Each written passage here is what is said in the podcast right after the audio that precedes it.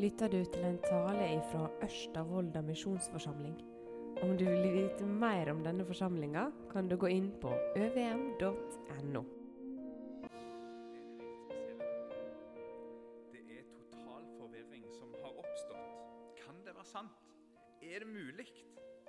Vi så jo at han døde. Vi så at han ble tatt ned fra korset. Han som var, slutta å være. Han ble lagt i ei grav. og Drømmene våre, håpene våre, idolet vårt ble knust. Alt var tatt ifra oss. Det var over. Men nå, tre dager seinere, kommer først Maria og de andre damene og sier at Jesus ikke lenger var i grava. Når de kom for å stelle med liket hans sånn som vanlig, da var ikke Jesus der. Det var tomt. Liket var vekke. Damene fortalte oss at det hadde vært to menn i skinnende klær. Og Disse mennene hadde sagt at, igjen, at han var stått opp igjen fra de døde, akkurat sånn som Jesus hadde sagt at han skulle gjøre. Vi trodde det jo selvsagt ikke. Folk står ikke opp fra grava. Én ting var Lasarus, men Jesus hadde vi jo sett død. Han hang på korset, og han var død når de tok han ned. Eneste var Peter. Peter og Johannes de måtte av gårde og sjekke. Og Senere denne dagen så kunne de bekrefte jo, grava var tom. Jesus var ikke der lenger. Og i denne stund så er to av våre brødre som var på vei til Emmaus, de har kommet tilbake igjen. Og så har de sagt at de har sett Jesus, de har snakket med han, og han har undervist dem ut ifra de hellige skriftene. De er helt i hundre, og de påstår at Jesus har stått opp ifra de døde. Og så går vi inn i vår tekst. Medan de snakka om dette, sto Jesus sjøl midt imellom dem og sa, 'Fred være med dykk.' De ble forferda og redde, for de trodde det var ei ånd de så. Men han sa til dem, 'Hvorfor er det så urolige, og hvorfor våkner tvilen i hjertet deres?' Se hendene mine og føttene mine, der er jeg. Ta på meg og se. Ei ånd har ikke kjøtt og bein, som, som det ser at jeg har. Så viste han dem hendene og føttene sine, til de av ren glede ennå ikke kunne tro, men bare undra seg, sa han, har det noe å ete her? De ga han et stykke stekt fisk, og han tok det og åt det medan de så på. Så sa han til dem, dette var det jeg taler til dere om medan jeg ennå var sammen med dere at det måtte oppfylles alt det som står skrevet om meg i Moselova, hos profetene og i salmene. Så åpna han forstanden deres, så de kunne skjønne Skriftene. Og han sa til dem, slik står det skrevet. Messias skal lide og stå opp fra de døde tredje dagen, og i hans navn skal omvending og tilgivning for syndene forkynnes for alle folkeslag. Det skal begynne i Jerusalem. Det er vitne om dette. Forrige søndag så var det pinse som var tema. Naturlig nok, i og med at det var pinsehelga. I dag så går vi noen uker tilbake igjen i tid i Det nye testamentet. Vi er tilbake i nær tid til Jesu oppstandelse. Og Det er fordi akkurat denne teksten her, den sammenfatter det som Lukas eh, beskrives som kallet til de som følger Jesus. Kallet til tjeneste etter pinsedag. Derfor er vi nå samla med disiplene som nettopp har fått se at Jesus har stått opp igjen fra de døde. Jeg tror, og teksten vitner om, at de satt ganske sjokkslagne. Og jeg tror det gikk mange, mange dager før det gikk opp for dem hva konsekvenser dette møtet hadde at han hadde faktisk stått opp. Når han fysisk sto framfor dem og viste at han helt på skikkelig hadde stått opp for de døde Kroppen Han trengte mat, han spiste fisk. Noen ganger, eller egentlig ganske ofte, så skulle jeg ønske at jeg satt der i lag med dem. At jeg, at jeg hadde den erfaringen som de har i bagasjen. At jeg fikk sitte der og se Jesus stå foran meg fysisk og ete fisk, om så er. Men den erfaringen den tror jeg ikke jeg kommer til å ha før livet mitt her på jord er over og jeg er hjemme i himmelen. Men der skal jeg se han. Der skal han stå framfor meg, helt konkret, helt definitivt. Og jeg skal få ta han i nøven, for å si det sånn. Fram til da så er jeg overgitt til å stole på disse vitnene, som Jesus kaller de her. Jeg er henvist til å stole på Maria og damene, på Peter og Johannes, disse som satt her i denne salen, og de 500 andre som så Jesus etter han var stått opp igjen fra de døde. De som har gitt oss Det nye testamentet, Bibelen, de som eh, fortalte om Jesus. Jeg er henvist til å tro på Jesus ut ifra det som de har sagt om han. Til å tro på Jesus som det var profetert om i Det gamle testamentet. Messias, han som måtte lide, dø og stå opp fra de døde. Han som eier det navnet som omvending og tilgjeving for syndene skal forkynnes i. Det er de siste fire versene som vi leste her, som vi skal fokusere på i dag. Og Vi skal lese fra vers 45. Nå har vi noe av bakgrunnen. Hvor var det dette her ble sagt? Når var det Jesus sa disse ordene? Eh, og Så skal vi prøve å se nærmere på hva er det Jesus sier her, og hva konsekvenser har det for oss. Vi skal først se på det at eh, Jesus sier at Skriftene taler om meg. Og Så skal vi se litt nærmere på det han sier om omvending og tilgjeving. Og til slutt så skal vi se på at det er vitne. Men vi skal lese denne teksten en gang til, disse siste versene, før vi begynner på det første punktet. Så åpna han forstanden deres, så de kunne skjønne Skriftene. Og han sa til dem, slik står det skrevet, Messias skal lide og stå opp fra de døde tredje dagen. Og i hans navn skal omvending og tilgjeving for syndene forkynnes for alle folkeslag. Det skal begynne i Jerusalem. Det er vitne om dette. Jeg tror Lukas komprimerer ting litt her. Jeg tror disiplene fikk en lengre bibeltime hvor Jesus viste dem hvordan hele Det gamle testamentet vitner om han. På samme måte som han utla Skriftene for disse som var på vei til Emmaus så tror jeg han gjorde det her. Jeg hadde foretrekt hvis han hadde tatt med hele den bibeltimen. Det hadde jeg syntes var fint. Men det vi får her, det er en oppsummering. Når disiplene fikk en åpna forstand og forsto Skriftene, da forsto de dette. Skriftene, det som vi kaller Det gamle testamentet, begynnelsen på Bibelen vår, talte om Messias. De snakker om Messias som skulle lide og stå opp igjen fra de døde tredje dagen. Når vi leser Det gamle testamentet i lys av Jesus, så ser vi at han oppfyller Skriftene på to måter. Det første vi merker oss kanskje, det er de enkelttekstene som så tydelig snakker om det som Jesus gjorde i påsken. Profetier som sier noe om Jesus og om korset. Salme 22, f.eks. Eller tekstene i Jesaja som taler om Herrens lidende tjener, spesielt i Jesaja 53. Det er noen av de tydeligste tekstene. Når du sitter der og leser dem, så tenker du men det er, jo, det er jo dette som skjer på korset. De delte kappen. De, det, det er sånne veldig tydelige profetier. Men det var allikevel sånn at selv om disse tydelige tekstene sto der, så så eh, var ikke jødene sin forventning til Messias at han skulle lide og dø. Jesus han måtte vise dem det, at de skriftene hadde forutsagt det. Og så, når de så de tekstene, så forsto de det. Og Det er de konkrete tekstene, sånne enkelttekster som tydelig bekrefter at Jesus er den han sier han er. Men i tillegg til disse tekstene så vil jeg si at Det gamle testamentet som helhet roper etter en løsning og en fortsettelse. Hvis du eh, setter deg ned og så leser du gjennom Det gamle testamentet Du bør ha litt tid på deg. Eh, og så leser du gjennom Det gamle testamentet som en, eh, som en god roman. Så leser du det perm til perm, fra begynnelse til slutt. Når du leser, og du har lest om Guds skapelse av mennesket, mennesket sitt fall og synd, Gud som velger ut israelsfolket, israelsfolket sitt fall og synd, Eh, Guds kall til israelsfolket. Eh, og Guds offerordninger for israelsfolket som skal sone synda deres. Israelsfolket sin misbruk av disse offerordningene.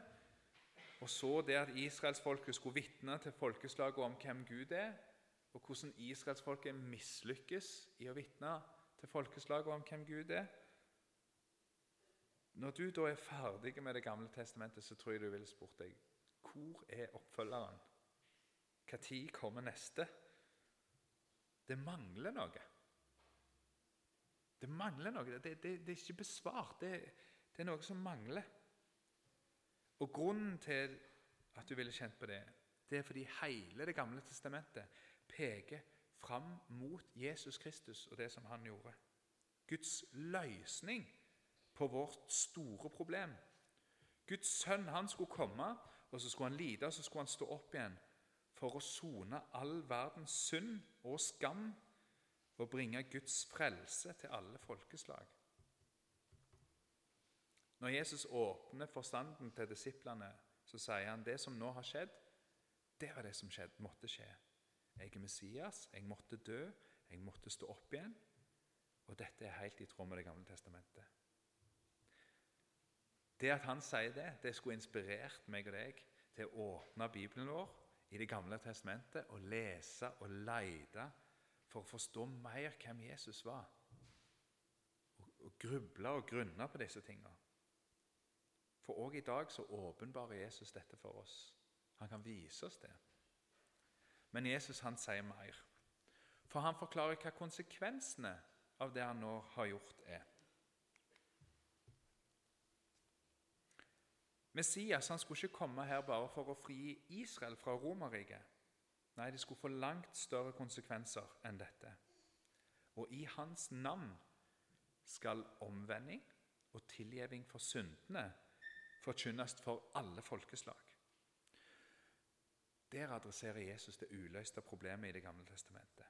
Mennesket sier synd. I Det gamle testamentet, og for så vidt i vår samtid, og i vårt eget liv, så ser vi at det er noe som vi ikke klarer å få bukt med. Dette som Bibelen kaller synd. Det er disse tingene som vi egentlig vet vi ikke burde gjøre, men så gjør vi det likevel. Det som er galt. Hvis mennesket var grunnleggende godt, hvis vi hadde fått kontroll på dette, her, hvorfor er det da sånn at vi stadig gjør det som er egoistisk? Jeg setter meg sjøl først framfor min neste. Hvis mennesket var godt, hvorfor er det ikke rettferdighet i verden da?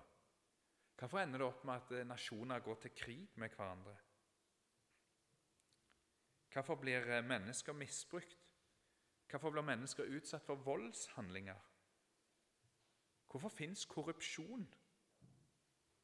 Hvorfor gjemmer mennesker vekk penger i skatteparadis istedenfor å skatte til det gode for fellesskapet? Hvorfor tar ikke folk vare på planeten vår? Hvorfor stjeler folk? Hvorfor mobber folk? Hvorfor bruker mennesker mye krefter på å holde andre mennesker unna seg sjøl? Nei, mennesket er ikke godt. Og det er ikke så enkelt at vi kan si at det fins gode mennesker, og så fins det dårlige mennesker. Det er vonde Kanskje ser vi at vi ikke sliter med at vi invaderer andre nasjoner. Men det vonde det gjennomsyrer oss alle. Og dette problemet vårt, det er det Jesus er kommet for å løse. Og det gjorde han på en måte som vi ikke var forberedt på. All vår ondskap, egoisme og spott mot Han som har skapt oss, det er noe som skaffer oss skyld. Og Jeg vet ikke om du tenker at han gjør det, at når du lyver eller stjeler eller baksnakker, om du er utro, om du sprer rykter eller andre ting. Jeg vet ikke om du tenker sånn at disse handlingene er noe som, som hefter ved deg, at det sitter fast. Kanskje er vi blitt så flinke til å undertrykke sånne ting at vi, at vi ikke ser at konsekvensen av handlingene våre er noe som sitter fast på oss. altså. Gud han sier i hvert fall at handlingene våre ikke bare skjer ut i et vakuum. Det er noe som rammer noe av hans skaperverk, andre mennesker eller oss sjøl. Og det òg er noe som opprører Gud. Selv om jeg ikke har et, sånn et fysisk gjeldsbrev, altså at jeg, at jeg har en eller annen bok som er, som der det blir ført inn alle disse tingene som jeg kan holde, og så kan jeg si at dette var det jeg gjorde nå. Nå har jeg det her. Dette var det. Så er det allikevel noe som, som hefter ved oss. Det sitter fast i oss. Og jeg tror vi kan se den gjelda. Jeg tror vi skjønner det. Hvis du har gjort noe som er galt, og du tenker etter, så skjønner du at det er ikke noe som bare forsvinner vekk. Våre handlinger får konsekvenser, noen større, andre mindre. Men konsekvensene de blir stående, og så taler de imot oss. Vi blir skyldige om å opparbeide oss ei gjeld, ei straff, ei straff som vi egentlig skulle ha for å få gjort opp dette. Og Så kommer Jesus og så tar han den straffa i vårt sted. Han som faktisk fikk bukt med problemet og lever syndfri, han er den som blir straffa. Du ser han henge på korset. Du ser han blir pint, og du kan høre han si, 'Min Gud, hvorfor har du forlatt meg?' Dommen over synda rammer han. Og sånn som Sven Joar delte, der henger han til spott og spe. Han blir gjort til skam for oss. Og Derfor så er det hans navn som gjelder. Det er hans navn som er viktig. Det er i hans sitt navn at du kan forkynne omvendelse fra synder og tilgivelse fra ham. Jesus han levde under de samme vilkår som meg og deg, kanskje ikke like mye i regn. Eh, men han òg ble frista. Men han levde syndfritt, hellig og rent. Det er en integrerte og rettferdige frelser og Herre som sier Om du synder, om du gjør det som er galt, om du har noen holdninger, stolthet eller handlinger i livet ditt som bryter med det som Gud har sagt, snu deg vekk ifra det. Slutt med det. Ikke gjør det mer. Det er ikke godt for deg, og det er galt. Det er synd, og det er synd mot deg og din neste og mot Gud. I Jesu navn, vend deg vekk ifra synda di. Slutt med det. Det kan han si. Framfor Jesus så blir vi stående uten unnskyldning, og synda vår blir helt avslørt. Og Du kan ikke si ja, men du, da, eller Det er ingenting sånn. Han er helt ren og hellig, og så sier han slutt med det. Og Hvis du da blir stående der i villrede og bare Jeg vet ikke hva jeg skal gjøre. Hva gjør jeg nå? Da sier han at du skal snu deg vekk fra det, og så sier han at du skal snu deg til Han. Kom til meg, alle dere som strever og har tungt å bære, og jeg vil gi dere hvile. For det er ikke bare omvendelse som forkynnes i Jesu navn. Snu deg vekk fra det du gjør. Vi trenger noe mer. Hvis jeg omvender meg og slutter å synde, så sitter jeg allikevel igjen med disse her historien min livet mitt så langt, med alt det som jeg har gjort, som fremdeles hefter ved meg. Så om jeg omvender meg, så kan det være at jeg har det greit nå, men jeg har noe som henger ved. Vi trenger tilgivelse, frikjøping, at det som er synd, blir tatt vekk ifra oss. Og det er det som Jesus gir oss. Vil du at jeg skal tilgi synda di? Vil du at jeg skal ta det vekk? I Jesu navn så kan du få tilgivelse for synda di.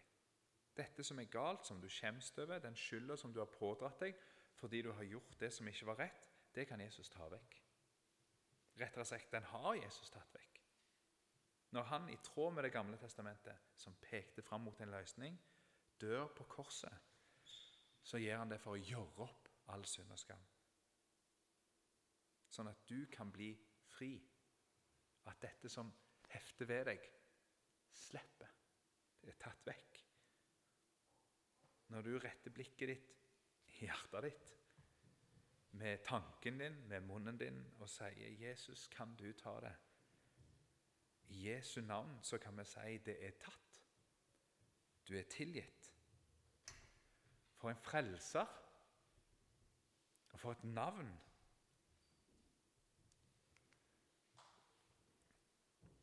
Det er vitne om dette, sier Jesus. Og Disiplene var lydige. De vitna om det som de hadde sett og hørt. De vitna og forklarte hvem Jesus var. Ikke mange dager etter dette så står Peter fram. Han som tidligere hadde sittet vekkgjemt på et loft, han står fram og forkynner frimodig syndenes forlatelse. Omvend dere få syndenes forlatelse. Det var mange tusen mennesker. Apostlene de skrev dette ned. Og den strengen av vitner, helt ifra de som satt der framfor Jesus, den har fortsatt og fortsatt og fortsatt, helt fram til vår tid. Den kom til Ryfylke, til Fågen, der jeg bor. Den kom til Jæren. Den kom til Volda. Var det noen som åpna munnen sin og fortalte om Jesus? Tenk at det sitter en gjeng med tilgitte syndere i Volda fordi Jesus kalte noen i Jerusalem til å vitne om han, til å åpne munnen og fortelle det videre. Gud er trufast. Det er vitner om dette. Det er meg og deg òg. Vi som kjenner Jesus, vi er vitner om dette. Ikke fordi vi sier noe, hvis vi kan begynne der. Vi er vitner om dette ikke fordi vi sier noe, men fordi vi har sett noe. Vi har observert noe om hvem Jesus er. Dette budskapet om Jesus som vi har fått høre, det har blitt noe som vi stoler på. Det er noe som har gitt oss trygghet og fred. Og så er det ei bør som er tatt vekk. Alt dette som hefter ved meg bakover, det, det slipper jeg nå. Fordi vi har sett at det var det som Jesus ville. Og så kaller han oss som er vitner, som har sett det, til å vitne om dette. Til å fortelle og forkynne dette videre i Volda, i Ørsta, i Ulsteinvik, til alle folkeslag. Det kommer et tidspunkt hvor du blir kalt inn som vitne. Hvor du får en anledning til å si noe om hvem Jesus er. Øyeblikk som Gud viser deg, der du kan fortelle at det er en som har et navn, som kaller til omvendelse, og som kan forkynne tilgivelse for synd og skyld. Prøv å være våken for de øyeblikkene der. Og prøv å be om å få de øyeblikkene der. Jeg har, jeg har, lyst til å være litt konkret nå på noe som jeg har blitt utfordra på sjøl, um, ehm, og som jeg stadig blir utfordra på. Når du kommer hjem i dag, enten med en gang du kommer hjem eller rett før du skal legge deg, kan du, kan du ta et ark mobilen din eller et sånt vitnekort som dette, som ligger bak her på bordet, og så skrive ned mellom tre og ti navn Har du 50, så kjør på. Eh, på personer som du kommer i kontakt med i løpet av uka. Mennesker som har behov for å omvende seg fra sin synd og har behov for syndenes forlatelse. Det kan være på arbeidsplassen din, det kan være i et nabolag, i familien, de du møter på butikken. Og så begynner du å be for disse regelmessig. Og så ber du om at Gud skal vise deg når du har en mulighet til å tjene dem. Hjelpe dem med noe. Be Gud vise deg når du har en mulighet til å komme nær, sånn at du er i nærheten av dem. Og be Gud om en mulighet for å åpne munnen og si noe om Jesus til dem. Og så fortsetter du med det. Så ber du for dem. Ikke slutt med det. Fortsett å be. Det er mer utfordrende å be for fem personer, navngitte, enn å be for ei bygd. Alle vi som tror, vi er kalt til å være vitner. Og så er vi ulike vitner som vitner på ulike måter. Og Jeg har ofte tenkt at jeg er et dårlig vitne. Fordi jeg kan gjerne si mye om Jesus, men jeg når ikke så langt ut forbi disse fire veggene her. Ut forbi de som allerede tror på Jesus. Og jeg tror jeg har rett. Jeg tror jeg er et lite effektivt vitne. Men jeg tror at det er noe som Jesus ønsker å lære meg. Så jeg stoler på han. Og jeg tror at når jeg sier 'jeg vil', så vil han lede meg og hjelpe meg i å vokse med dette. Og så får jeg vokse i dette gjennom livet. Det er litt risikabelt, men jeg har lyst til å si jeg har veldig lyst til å være et godt vitne når jeg er 60. Så har jeg lyst til å vokse på veien fram der. Noen ganger så kan vi tenke et vitne ser sånn ut, og da må jeg være her. Og så blir gapet så stort at jeg ender opp med noe som ikke egentlig er meg og min personlighet og den jeg er. Men vi kan snakke med Jesus om dette. Vi kan kneppe hendene og be til ham. Én ting er jeg helt sikker på, at det da, hvis jeg skal være et godt vitne når jeg er 60, da er jeg avhengig av at jeg får bruke tid. At jeg får feste blikket mitt på Jesus. At jeg får sitte med fortellingene om Han framfor meg, så Han åpner meg forstanden min, og at Hans hellige ånd viser meg hvem Han er. Både gjennom at jeg får bruke tid med Gud og be til Han, og at Han gjennom sine vitner, mine søsken, får vise noe mer av hvem Han er. Og så håper jeg og ber for denne sommeren at det blir en sånn en sommer. Der jeg får oppdage noe mer av hvem Jesus er, og hva han betyr for meg. Der jeg får bruke et tidspunkt på dagen til å sitte og se på Jesus. Og at jeg får være i lag med andre som har sett han, som kan peke på noen sider av Jesus som jeg ikke kjente til, eller som jeg hadde glemt. At han ikke bare tok skylda mi, men også skammen min. Og at han kan få kalle meg til omvendelse og vise at jeg kan hvile i hans tilgivelse. Det er vitner. Skal vi be. Takk, Jesus, for at, eh, at du kommer inn i livet vårt, og så ber du oss om å snu oss vekk fra det som er synd. At du minner oss om det som ikke er godt for oss, at du drar oss til deg. Og Takk for at du gir oss tilgivelse når vi har gjort det som er galt. Takk for at du ikke avviser oss og sender oss vekk, men du tilgir, og du er nådig. Takk, Jesus, for det.